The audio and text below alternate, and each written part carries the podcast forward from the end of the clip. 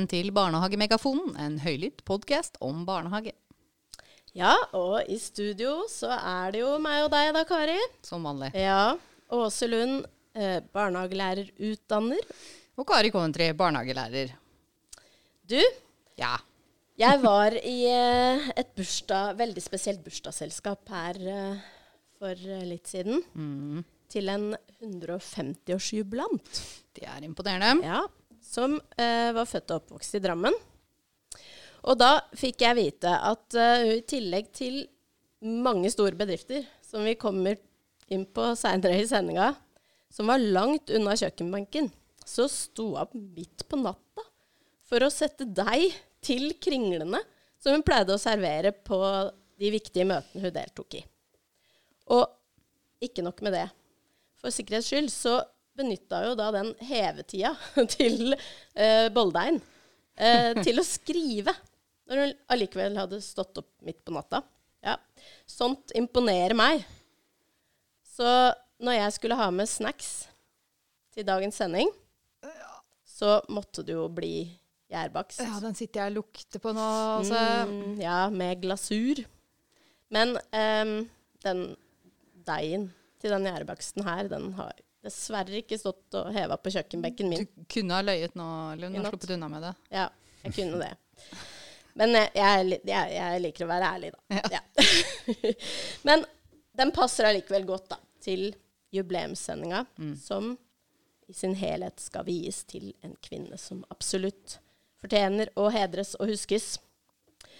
Og jubilanten het Anna Setne.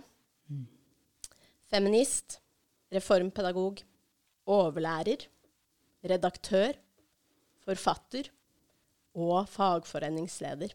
Mm. Hun ble født i Drammen for 150 år sia. Og denne dama Jeg kjenner veldig på at vi må få vite litt mer om henne. Absolutt. Altså, hvordan jeg har gått et helt liv eh, fram til eh, for ikke veldig veldig mange måneder siden og ikke visste hvem denne damen er, det er ganske flaut. Ja, Det går an å lære noe nytt. ja. Eh, og til din, eh, ditt forsvar, da, så er det faktisk ingen spor i Drammen etter denne dama. Mm. Så det, det, det, det i seg sjøl er jo noe å snakke om. Men eh, vi har invitert en gjest som kan veldig mye om Anna Setne. Og det er professor emeritus Willy Ågre ved Universitetet i Sørøst-Norge. Velkommen, Willy. Tusen takk. Kan ikke du begynne med å fortelle litt om deg sjøl? Det kan jeg gjøre. Altså jeg, Siden dette er eh, mange barnehagelærere som hører på dette, regner jeg med, så har jeg faktisk to år bak meg eh, med en foreldredrevet eh, barnehage. Begynnelsen av 80-tallet. Å, så gøy. Og, og den ble kalt for Morgenrøden barnehage. Oi! Som er den norske varianten av Aurora. Så det betyr det samme, har jeg har jeg hørt. Nei, så det var, eh, det var veldig kort vei til jobben. Det var ned fra andre etasje, soverommene der, og ned da i første etasje. Og så kom barna fra, fra klokka åtte, noen før det også, og så holdt vi på til halv fire. Oi, oi, oi. Det var fra tre, tre til eh, Da var det jo sjuåringer. Sju år før man begynte på skolen, så det var det tre til sjuåringer som var der. Du hadde barnehage hjemme hos deg? Rett og slett. Ah, så gøy. Det er jo, det er jo, det er jo ikke så mange av dem lenger. Eh, familie, det er jo en slags familiebarnehage, da. Ikke sant? du-. Eh, og da, årsaken var rett og slett at uh, den tida så var det sånn eh, eh, altså med, unge jenter som, som passet barn hjemme. ikke sant? Og av og til noen eh, i 50-60-årene også, men det var vanskelig å få tak i det. Da den første sa opp eh, etter to måneder, og den andre sa opp etter 14 dager. Og da tenker jeg at dette, dette kan vi ikke ha. Vi kan ikke ha, fortsette sånn, liksom. Nei. Og da fant jeg ut at da sier jeg opp på jobben. Eh, så to måneder et etterpå så var jeg klar til å åpne Morgenrøden barnehage. Så fikk vi faktisk en ordentlig godkjenning da sommeren etter der igjen. Med, med fylkesmannen inn i bildet. Og, ja. Det var jo sånn man Med gjorde som- det før eh, barnehageforliket. Man måtte ordne barnehagen sjøl. Ja. Ja, men um, um, i dag så er du ikke her i kraft av å være styrer eller barnehagedriver. I dag så er det noe annet, eh, en annen del av ditt eh, virke du skal snakke om. Ja, jeg, på mine eldre dager Det er ofte sånn at, at det kommer snikende sånn historisk interesse ettersom man blir eldre, hvis man ikke har det vokst opp med det, selvfølgelig. Og, og, min begynte å komme Jeg var faktisk par 53 før den begynte å trykke på. Og det skyldes rett og slett at jeg skulle lage et julesangprogram på jobben min, som var da Høgskolen i Vestfold. Uh, og så var jeg så lei av at de sang sanger som ingen visste hvem som hadde laget. Verken komponisten eller tekstforfatteren. Så jeg tenkte den jobben skal jeg gjøre. Her skal folk få vite hvem som har laget disse sangene, uh, komponerte, og hvem som har laget den teksten. Og så bestemte jeg at jeg skulle ha 'Den gamle nissen satt så trist', som er da Margrethe Munthes sang. Mm og fant ut at det var eh, Ingemann som hadde laget den på 1830-tallet. Og, og, sånn fortsatte det. Så det, det, det, det sådde en veldig interesse for henne. Eh, og men så, så, så, så, søkte jeg forlaget om å Eller prøvde å få forlaget til å bli interessert, og det var det. Så den, den kom, tok sin tid. da, Den ble gitt ut i 2010. Men da var det nemlig et, en jubileumsidé. Jeg skulle på død og liv få den ut før hun ble 150, og det gikk på én dag, altså én dag før. Så hun var, hun var født uh, 1860. Så um, 27. Uh, mai 19... Um, um, altså 2010. Da var jeg klar. Og så la jeg inn en byvandring i Oslo rundt der hun bodde også. Jeg, og det som, det som var pussig der, er at jeg leste jo kilder om, som hadde meninger og synspunkter på, på Margrethe Munthe, og en av dem var da Anna Settene. Og hun skrev det, det syns jeg er presise ordet. Hun har gjenopplivet barnesangen i skolen. Fordi sangene handlet jo mye, mye, om barnas egen virkelighet. Ellers var det mye sånn nasjonalhymler og naturhylster og alt det der. Flott, det, mm. det er ikke det. Men altså, sjelden noe som tok utgangspunkt i barnets opplevelser. Altså gleden ved å ake eller gå på ski eller, eller med, ha dyr rundt seg. Eller, mm. Mm. Så da ble det en sånn sømløs overgang da, etter at denne boka var eh, i havn, til, til boka om uh, Anna Settene. Ja. Mm. Det er litt av en, eh, en, omvei inn. Jeg skulle lage julesangprogram, og så ja, lagde jeg tilfeldigvis en bok om Margrethe Munthe, og så ja. Det er utrolig spennende å høre på, Willy. Um, ja, nei uh, nå, nå, Jeg sklir ut med en gang, vet du, også. Ja. Men så det var jo derfor du ble opptatt av Anna Setne. Ja. ja. Men hva leda deg på en måte videre inn i hennes verden? Ja, altså, altså før, Litt før jeg kom ut med boka om, om Margrethe Munthe, så, så, hadde vi sånn spalte i Tønsbergs Blad, uh, hvor jeg nevnte da Anna og Settene. Uh, så det ble også en oppvarming litt parallelt, på en måte. Men så, så kom jo aldri bøken ut når man i første utkastet sier at den skal bli ferdig. Uh, så jeg hadde vel planer om å bli ferdig i 2014, ble 2016. Uh, og jeg sant, underviser om mye andre ting ved siden av, selvfølgelig. Mm. Så, men den, den, kom da ut. Men så, så hadde jeg også, mens man holder på, så blir man opptatt av småsaker med, med en person som Anna Settene, og da oppdaget jeg at det finnes ikke noe spor etter henne. Altså en sånn megaberømt dame. Uh, som er internasjonalt kjent uh, og nasjonalt kjent. En sånn ikon, nærmest, for mm. reformpedagogikken. Eh, det var helt eh, ikke noe spor eh, av henne. Så det skrev jeg om rundt om Drammen, det der lokalhistoriske tidsskriftet i 2014. Mm. Så du kan si at med den seieren som var med at lovnaden fra ordføreren om at det skal bli noe spor etter henne, i tillegg til Anna Setnes auditorium, så, så er det en lang etterlysning, kan du si. da. Mm. Og jeg skrev også en kronikk, for jeg skulle holde et foredrag uh, Lørdagsuniversitetet nå i vår og da laget jeg en kronikk hvor jeg liksom da um, pirket på det ømme punktet. da, mm. Håpet jeg at det skulle være. Uh, men det ble ikke noen diskusjon da heller. Men så, så var det endelig så ble dette et arrangement under forskningsdagene. Og da, da rulla og gikk det, altså. Så, ble, så det, det, så tynt ut, altså, dette arrangementet i september, 150-årsmarkeringen. Men det, det, det, var, jeg er veldig fornøyd med at, hvordan det ble. Ja. Så jeg har hatt den, den uh, ideen faktisk i to år, siden, uh, siden 2020, at jeg, jeg, ville benytte disse 150 årene. Altså, mm. Kall meg gjerne sånn uh, jubileumsmaniac, det er mulig, mulig, å si. Men uh, det er gode anledninger, for da blir vedkommende omtalt samtidig. Ja. Det er en sånn dobbel uh, effekt der. da. Mm. Han har jo absolutt hatt en effekt, fordi det skjer jo ting. Mm. Men uh, jeg nevnte jo dette med, med kringlebakinga til Anna. Eh, veldig fascinert over det. Men eh, det var kanskje ikke det du ble mest fascinert av. Hva, hva, hva, hvis du kan nevne noen ting som fascinerer deg aller mest ja, ved Anna altså, Setne? Uh, I og med at jeg er, uh, har en, uh, noen år bak meg i livet, så, så, var jeg veldig opptatt av reformpedagogikk ganske tidlig. og sånn alternativ skoletenkning.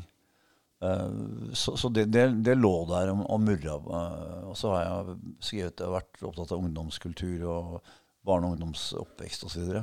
Uh, men altså, den, den, har ligget der hele tiden, den der reformpedagogiske si, fakkelen da, inni meg. Så, så det, det, du kan si at det har vært sånn oppvarming som har ligget som en sånn basis der hele tiden. Men, men da jeg tok sosialpedagogikk, som var liksom den, det, det, faget på universitetet som var liksom litt opprørsk og litt mer ute etter alternative måter å tenke skole på, så hørte jeg ikke et ord om Anna Settene eh, på den tida der. Så, så liksom, den norske historien var faktisk uh, lite framme. Altså, jeg kaller det nær. Altså, man blir jo litt gal i hodet når man ser altså, nær når det er sant, 90 år siden. Nær historie, kaller jeg det. det er ikke så lenge siden. Og dette og undervisning skjedde på 70-tallet, så det var 40 år før det. liksom. Mm. Men den var liksom ikke formidlet. Så jeg, jeg, fikk ikke noe gratis der via, via universitetsutdanningen på akkurat interessen for, eh, for Anna Men kan du si litt om mm, hennes versjon av reformpedagogikken? Hva, hva, hva, var det hun sto for? Ja, altså eh, hun, eh, hun sto for et, et aktivt barn. Og, og, det selve det prinsippet hva det ble kalt, det, det endret seg over, over, tid. Hun brukte ikke selv så mye reformpedagogikk-begrepet. Men altså arbeidsskolen, arbeidsaktivitetsskolen eh, Hun også brukte mye begrepet nyskolen. For det var en sånn internasjonal bevegelse som het New Education Fellowship, som lagde tidsskrifter i flere land, europeiske land, som var egentlig en, nesten en fredsbevegelse rett etter første verdenskrig, hvor de tenkte at barna, vi må begynne med barna. De mm. må, de må bli tolerante. De må være fornøyd med livet sitt og få utfoldt seg osv. Og, og det var liksom basisen. Og så ble da Anna Setne eh, leder for den norske grenen av, av, New Education Fellowship, som ble kalt for eh, Norsk seksjon for ny oppdragelse. Dette er jo som å høre rammeplanen bli på en måte forklart. for dette er jo akkurat det som det handler om. Dette her med å bygge demokratiet fra bunnen av med at mm. man lar barn oppleve demokrati fra ja. de er bitte, bitte små. Nydelig. Ja, ja. Og så, ikke sant, i den, dette der, eh, det var et sånt charter kanskje, om altså, en sånn, den manifestet da, eh, i mm. denne bevegelsen. Da, da, snakket de om barnets åndelige frihet. Oh. Og at, at uh, samarbeidsånd framfor uh, for snever konkurranseånd osv. Og, så og det er 100 år siden, liksom. Ja. Skulle vi hørt litt på ja. Anna sjøl? det vil vi. Ja. For du har sendt meg eh, en lenke til et eh, opptak av Anna Setne fra 1956 ja. i NRK. Da var hun 84 år gammel. Ja.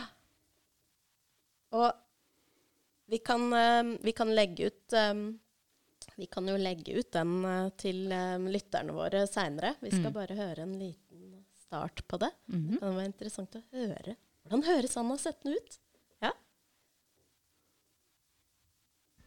den gang jeg var pige. Den gang var i Sanne Vestfold, i Drammen i Oslo. Først en jentunge, så en framslenge, som var svært glad i sine lærere. De tre som aldri glemmes, var lærer Godskalk Jonsson, overlærer Johanne Ringstad og sogneprest, senere prost, Kristoffer Knutsen, alle i Drammen. Interessante personligheter ypperlige lærere. De mestret endog den for lærere verdifulle kunst å begeistre. Menneskelige idealer, sosiale, religiøse, politiske. Jeg minnes hva min lærere ga gjennom undervisning og samvær. Å vinne kunnskaper og lære mye var det morsomste jeg visste. Meget morsommere enn å leke.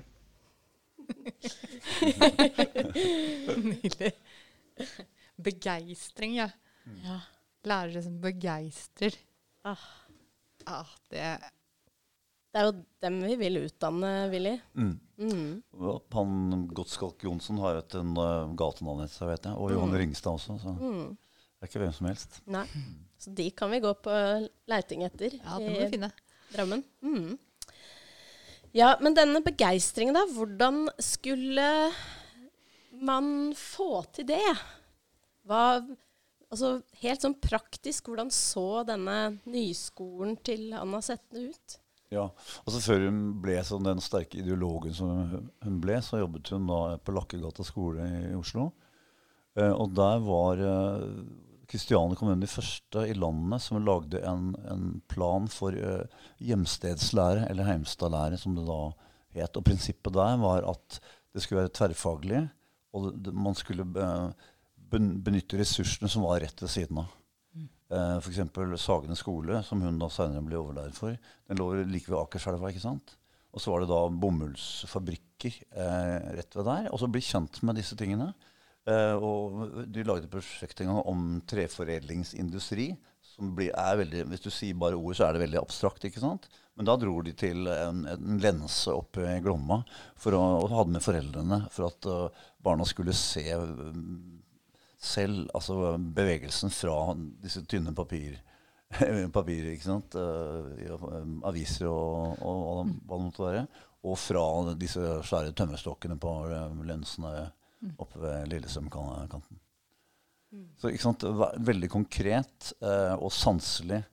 og så skulle de da Eh, de, de samarbeidet også med Deichman ikke sant? og fikk god faglitteratur av dem. De dro på Historisk museum når de skulle lage et prosjekt om, om eskimoer, eller inuitter, som de da ikke kalte det da, men eh, som vi vil si i dag. Så, så det var eh, veldig aktiv. Og så hadde de en glimrende eh, måte å tenke eh, tenke timeplan på. Så de sørget for at disse lærerne som var klasseforstandere, eller, eh, de hadde mange timer sammenhengende. Mm. Eh, så Det betyr at de kunne dra av gårde og bli borte en tre-fire timer uten at det ble noe tull med, med kolleger. Eller, de, hun la inn det, rett og slett. Sammenhengende tid. For da kunne de realisere denne pedagogikken mye lettere.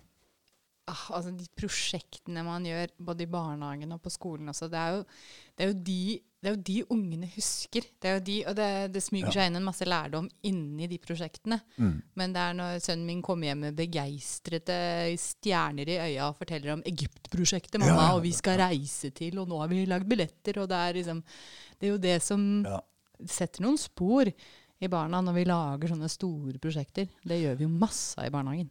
Jeg har sett det på nært hold som far med barnehagebarn også. Hvor, uh, hvordan et litterært, litterært, prosjekt varte altså, Det var planlagt at det skulle vare et par-tre uker, liksom, men, men, men, ungene ble så begeistret at, at, det bare mm. rulla gikk i to måneder, liksom. Ja. Og dette er helt sånn i Anna Settene for en av hennes, hennes ånd for en av hennes medarbeidere ganske, fikk tak i noen sånne unge, idealistiske og godt utdannede nye medarbeidere. Så hun, liksom, hun var nok litt sånn uh, headhunter på den måten der. Uh, og, og, hun forteller da, denne, læreren forteller om, om uh, om Eskimo-prosjektet, eh, som ble varmet opp av Robinson Crusoe-prosjektet, hvor de holdt på flere måneder med Robinson Crusoe. Og da lærte de både om lengdegrader og breddegrader og tropisk klima og mm. osv. Og, og, og, ble aldri mette, liksom, på mm. det. Eh, og så var det da en elev som spurte frøken, hva hadde skjedd hvis Robinson drev i land langt nord? Ja.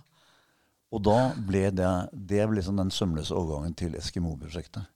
Og det holdt de på med veldig lang tid. Og så var det Jeg tenkte sjøl at uh, du er en idealistisk lærer, men du får dette spørsmålet uh, etter at en elev har blitt, og alle elevene har blitt begeistret for uh, Eskimo. Og da brukte vi jo Nansens tegninger av kajakker og sånt, og lagde sånn maskinpapirvariant, så de ble ganske én meter store, liksom. Uh, så ikke bare sånn puslete ark, men uh, svært. Og da ble det så konkret for en elev så, som da sa til lærerne sin Frøken, kan vi ikke lage en kajakk, da? Ja. Jeg tipper de fleste hadde nølt noen sekunder der. Men det, fakt, det, det, ble det. Dette var, tredjeklassinger. Ja. Men denne læreren hadde da også noen timer hos en sjetteklasse som var veldig nevenyttig, selvgående. Ja, det var gutteklasse, dette her. Eh, så de fikk hjelp av dem. Og da brukte de sånn eh, Jeg vet ikke hvor russetiden deres var, men sånn sykkelaktige russestokkene. Ja, sånn bambus. Ja, det ble, det ble spilene da, til, til eh, kajakken. Så den, den, burde vært bevart og vært, hatt ah. hedersplass i skolemuseum, skolemuseum, tenker jeg. Men det, det sier noe om den altså, Du må lytte. Det, altså, det blir en måte å få demokratisk medvirkning på. fordi at du, du er opptatt av interessene, og når de pipler fram, så griper de den ballen liksom, og, og gjør noe ut av det. Og gjør det kollektivt, altså. Ut, uh, forbi den ene eller de to som ville det, men altså gjør det felles. Mm. Som en uforglemmelig dette jo, erfaring. Dette er jo så i tråd med alt, uh, alt, det vi håper på at barnehagen skal klare å favne. Um, lyttende pedagogikk, det er medvirkning, ja. det, er, um, det, er, å ta et spor. Mm. Altså bare ja. å løpe med det. Ja. Nei, det er fantastisk. Mm. Er vi der i dag, Willy? Ja, altså nå, øh, nå er jeg den som er, stiller meg kritisk til mye av den utviklingen i skolen som da f.eks. har medført at uh, praktiske, estetiske fag er blitt betydelig svekket. Mm. Og selv om det da kanskje mot formodning skulle bli en, en, bølge av interesse for at nå vil bruke det mye mer, så så er det blitt såpass tynnet ut at det er ikke så mange lærere igjen som er gode på det heller. ikke sant? Så, uh, men det er, det er, det Og da, da, får du det aktive barn som er sanselig, bruker kreftene sine, samarbeider. ikke sant? Det er noe av, noen, av og til er det noen tunge løft. Altså det, altså det ligger implisitt samarbeid i det. Mens hver og en som skal løse noen oppgaver, kan bli veldig individualistisk. og det er liksom så langt unna reell livsnær læring som, som, det går an. Nemlig at man, når man står fast, så er det noen rundt den som man får hjelp av. Og som er litt, kommet litt lenger enn du har gjort. Og da et, etter hvert så kommer du på linje med den andre som du får noen gode innspill fra. ikke sant? Og det tenker jeg barnehagepedagogikken det ligger også i aldersvariasjon uh, innenfor en mm. gruppe. Så ligger den helt naturlige overføringen av, av erfaring i, i, gruppa. Og den, uh, Så min bekymring er at, at, den er blitt veldig uh, Jeg vil kalle den er blitt PISA-infisert. Uh, det, det, enkeltstående barnet som skal være så, prestere så mye som mulig så fort som mulig. Det er liksom blitt idealet. Og så er samarbeidsprosjektet, eh, som er så nærliggende i all læring i, i dagliglivet, den er blitt, uh, blitt nedprioritert. Mm, du, sa det, du, sa noe om samarbeidsånd over snever konkurranseånd innledningsvis, og det, det syns jeg var veldig fint. Et veldig fint bilde på det. Fordi og, um, Du sier det når man skal inn i verden videre. Eh, livet er jo ikke en konkurranse. På, så, mm. altså, livet er jo mye samarbeid. Familien din, og du skal ja, på jobben din, og det handler jo om å sammen få til noe. Mm. Så det Ja. Mm. Du, du, nevnte jo også innledningsvis um, dette med den barnehagen du drev. Det var mm. fra tre til sju år. Mm, ja. I dag så går jo disse seksåringene i skolen. Ja. ja. Uh, og jeg har min, uh, min yngste, uh, som er 16 år nå, han begynte i, i, han begynte i den, den tida der. altså, det ble jo 2003 Nei, 2002 blir det. Men hans tolv år eldre søster hun fikk da mye mer Da hun begynte som seksåring, mye mer ressurser. For da var det en barnehagelærer der ja. og, en, en, en, en lærer. Og de samarbeidet. Eh, og tolv år etterpå nå, så var, det, så var, det, bare en stor klasse med én lærer. Mm. Altså Det skjedde helt umerkelig. Altså De spesialressursene som var øremerket um, uh, i seksårsovergangen, uh, mm. De var smuldret bort og fordelt bort, over, over, hele. Så det, det, er en masse, og det prøvde jeg og, og min kone også, også å ta opp som, som, som lokalt. da, At dette var en sånn på, påtagelig en, en endring der. Men jeg tenker også at uh, med den seksårsreformen så har det også blitt synes jeg, en økende grad av bekymring. Altså, Det er bekymringsfullt hvis ikke barn har lært eller har visst grep på lesing allerede uh, og, mm. og, skrive allerede til jul, liksom. Mm -hmm. eh, og da tenker jeg, da, Hva slags stress er det man påfører da? Da har det liksom blitt nesten klientifisert, de barna som, som er, er en del av den helt alminnelige variasjonsbredde. I hva man er, er interessert i andre ting, kanskje. Og så, så, så den, den Og så, så har jeg i en bok som jeg ga ut Eh, en antologi som jeg ga ut tidligere i år, da, så, så, snakker de da to artikkelforfattere om skolestartere. Altså skolestarter. Altså de er, de er barnehagebarn, men de har liksom fått stempel mm, skolestarter. De er liksom klar i startgropa og skal da ha trent veldig godt for å kunne komme kjapt ut av startblokken, rett og slett. Det er, det er noen metaforer her som er sånn ja, Det er ikke, det, det er ikke søt musikk for meg, altså. Uh, den tenkningen der. Og den utviklinga som du skisserer litt nå, altså hvor måtte, alvoret og individualismen, konkurranseskolen, mm. den eh, rammer barn ja. lenger og lenger ned i alder. Hva ville Anna Setne sagt til det her? ja, ikke sant.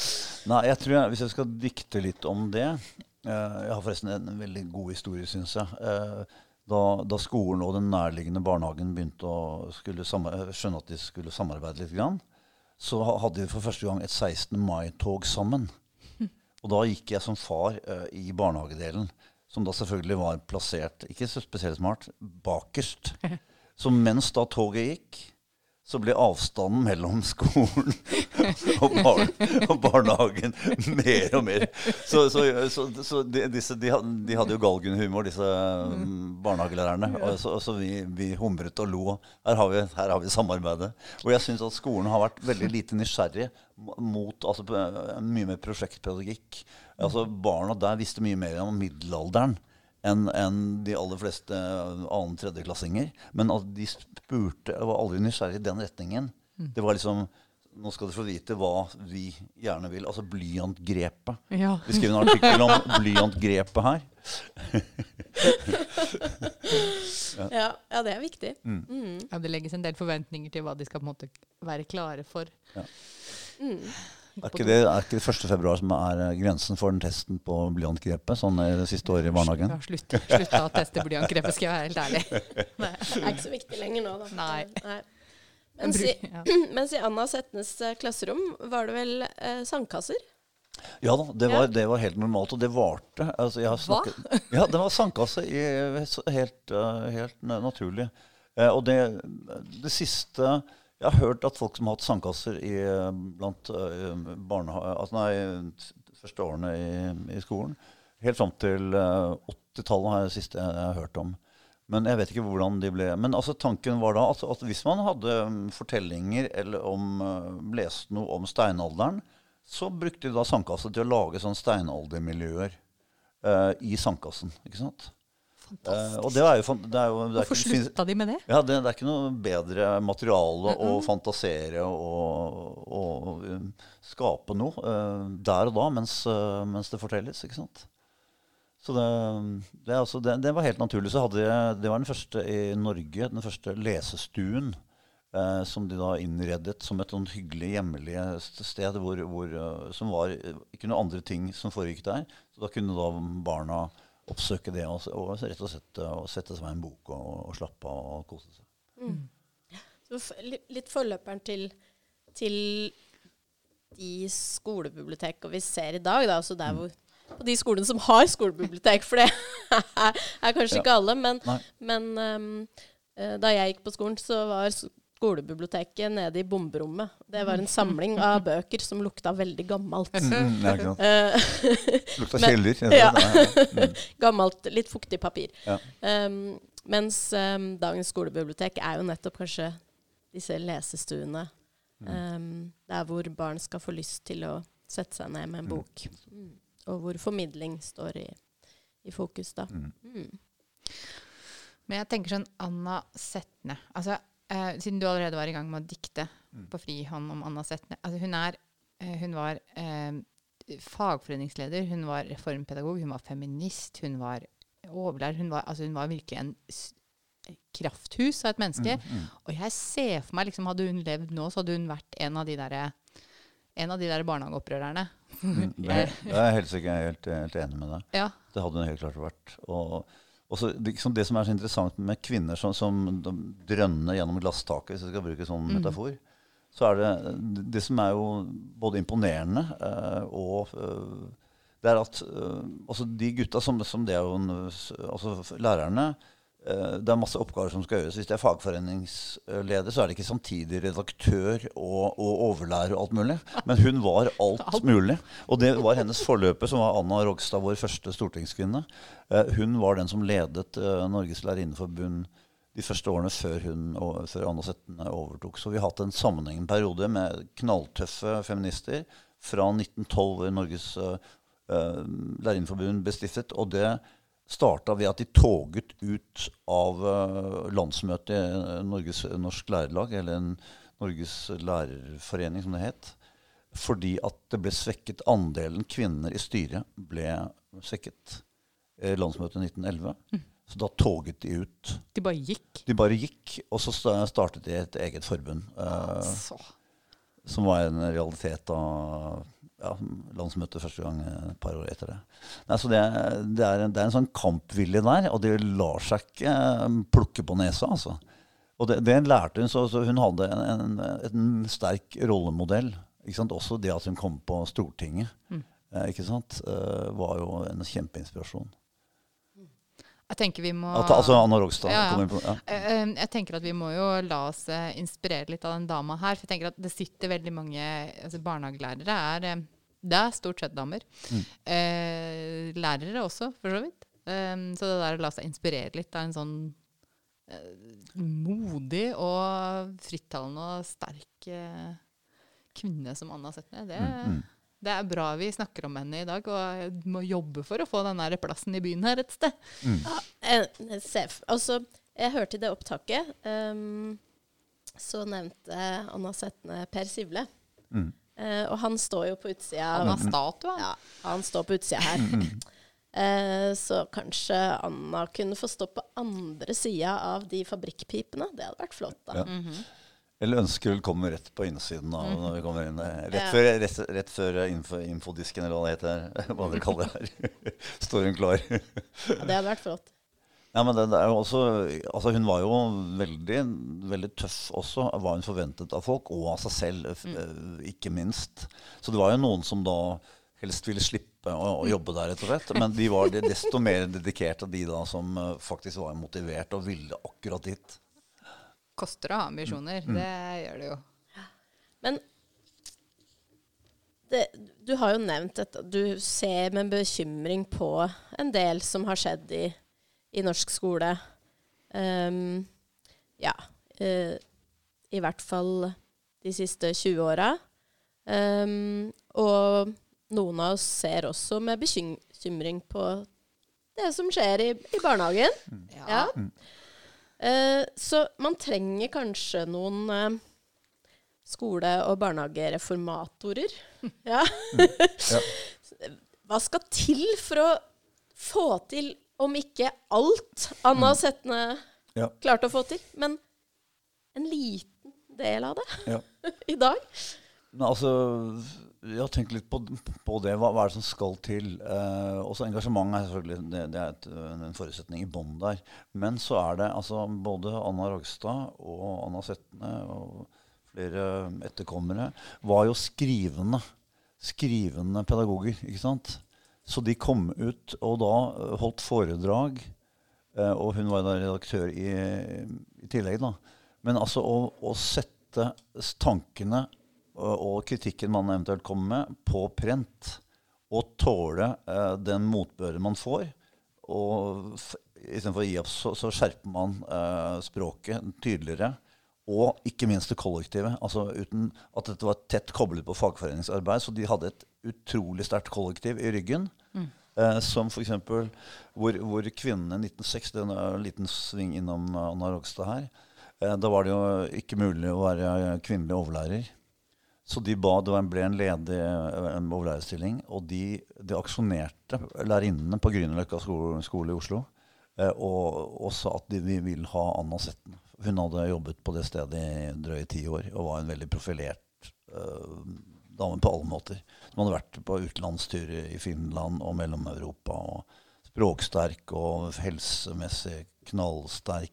Uh, altså var sånn omtrent stille, var på de fleste toppene rundt om. Og øverst i Peterskirken, og, som ingen andre turte. og sånt. Altså, så, så, ikke sant? Um, så, og, og, den, men hun ble selvfølgelig forbigått. Og fikk aldri overlærerstilling i folkeskolen. Uh, noen helt hårreisende forbigåelser. da. Mm. Og de, de, nådde ikke henne til altså et eller annet litt opp på leggen, kanskje. Uh, men eh, heidundrende forbigåelse. Da. Så du kan si at det sinnet det, det, var da Anna Setne engasjerte seg. Da var hun, blitt, hun har jo trebarnsmor da. Eh, hun var 34 eh, år. Uh, Unnskyld, da, og, jeg bare Trebarnsmor på toppen av alt dette her. Ja, fire var det. Det ble fire etter hvert, ja. ja. Hun uh, fikk en uh, attpåklatt som 42-åring. Men så, så, så, du kan si at den, den urettferdigheten, den, den, den trigga ja. Anna Den så hun i 1960, og da begynte hun å engasjere seg fra da av. Til tross for at hun var, hadde en gammel mor hjemme og tre barn uh, osv. Så, engasjerte hun seg eh, og ble med i skoleråd og sånne, sånne eh, fora hvor, hvor, man diskuterte skolesaker. Og så, da ble, Hun ble da involvert i det arbeidet med hjemstedslære mm. med denne planen. Mm. Så det, det, da, var den, da var hun 40 år. Men da kunne samtidig alt det hun ble opptatt av, kunne få ut i spaltene på lederartikler osv. Så, videre. så hun hadde et kjempe Eh, kjempeutgangspunkt for å spre tankene sine. Da. Men der, dermed så ble hun etterspurt, og dermed foreleste hun over det ganske land. liksom, Og, og fikk spredt uh, ideene sine veldig, veldig effektivt. da. Så ja, men Det å være skrivende, og det, det er liksom også som studenter være skrivende som mener noe, mm. og, og, lage et kollektiv hvor man blir, får selvfølgelig motbør Man kan jo lage en, og sette opp det. Altså Dere skriver om noe, samarbeider om det, og så, jeg, så, så er det noen som er gi motstand mot det. Ja. Uh, også, ikke sant? Også at, um, Øve seg på ja, å få motstand ja, på det man har skrevet. Ja, ja. For så å forsterke argumentene sine, eller endre det, eller få det til å ja, det er jo glimrende råd. Ja. Mm. ja. Vi må ha mer av den typen skriving inn i, i lærerutdanningene. Ja.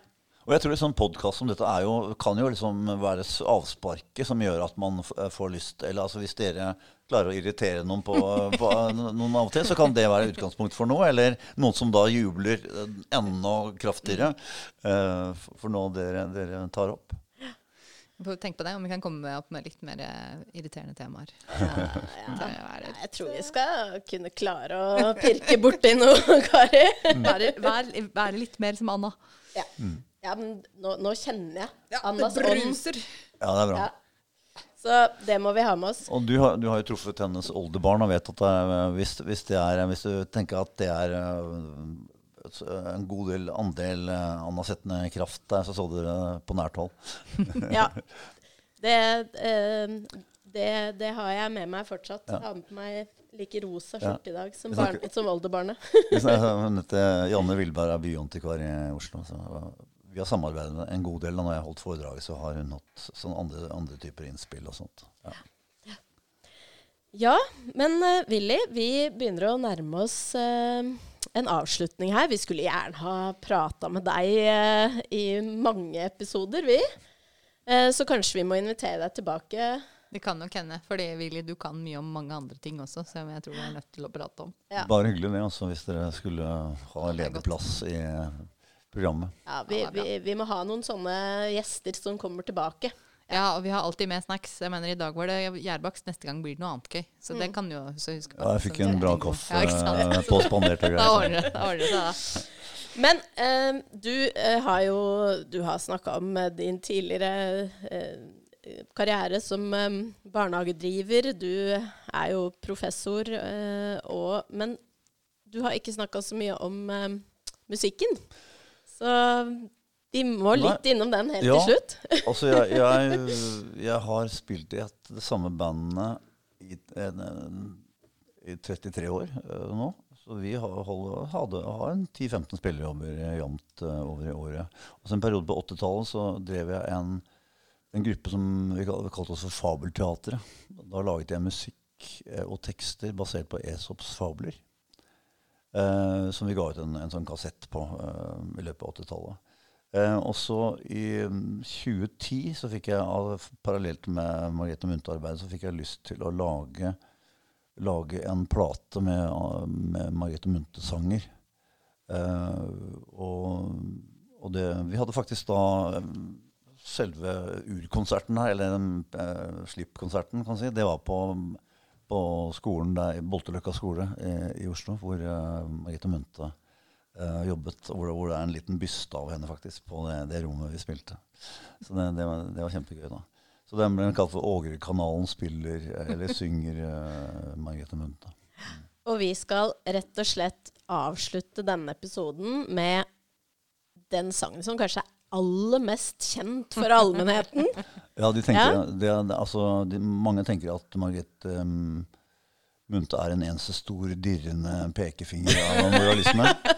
Uh, men det, det, er, det, er, altså denne her altså Jeg tror at den var humoristisk ment, faktisk. Uh, og jeg prøver nå å lage en sånn motstemme mot de fordommene som jeg syns dominerer i altså mottaket av den sangen her.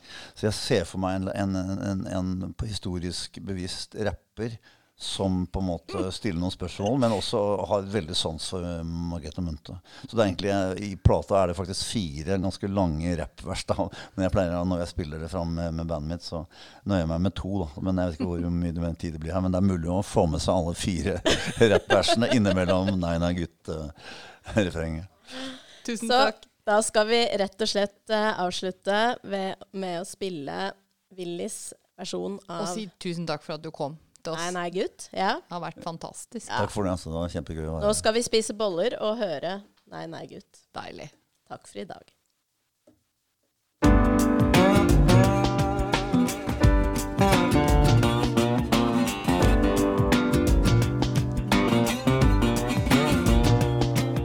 Nei, nei, gutt. Dette må bli slutt. Ikke storme inn i stua før du tatt av deg lua. Glemte du det rent? Det var ikke pent. Husk å ta alltid lua av. Ikke kast den, ikke sleng den. Pent og rett på knaggen, heng den tørka foten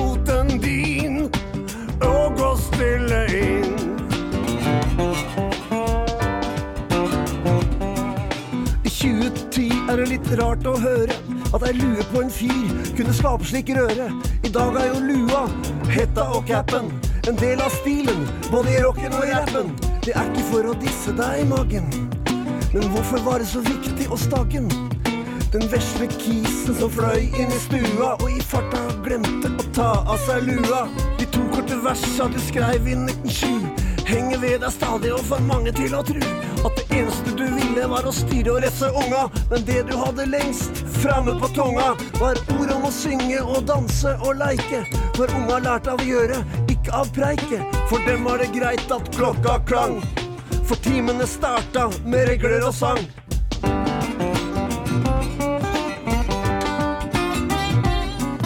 Når styring måtte til med 40 i klassen og med hundrevis av unger på leikeplassen, var det greit at de kunne en sangleik eller to og fikk bruke sine krefter for å falle til ro. Og den jobben de gjorde for de fattigste unga, de med hølete sko med tæring i lunga, er det få som ser, og det blir jeg trukket av. For jobben du gjorde, står det virkelig respekt av.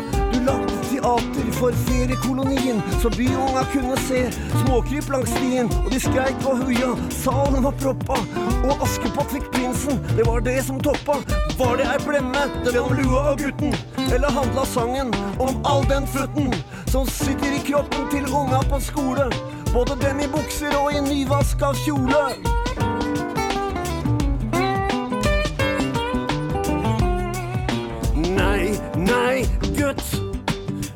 Dette må bli slutt.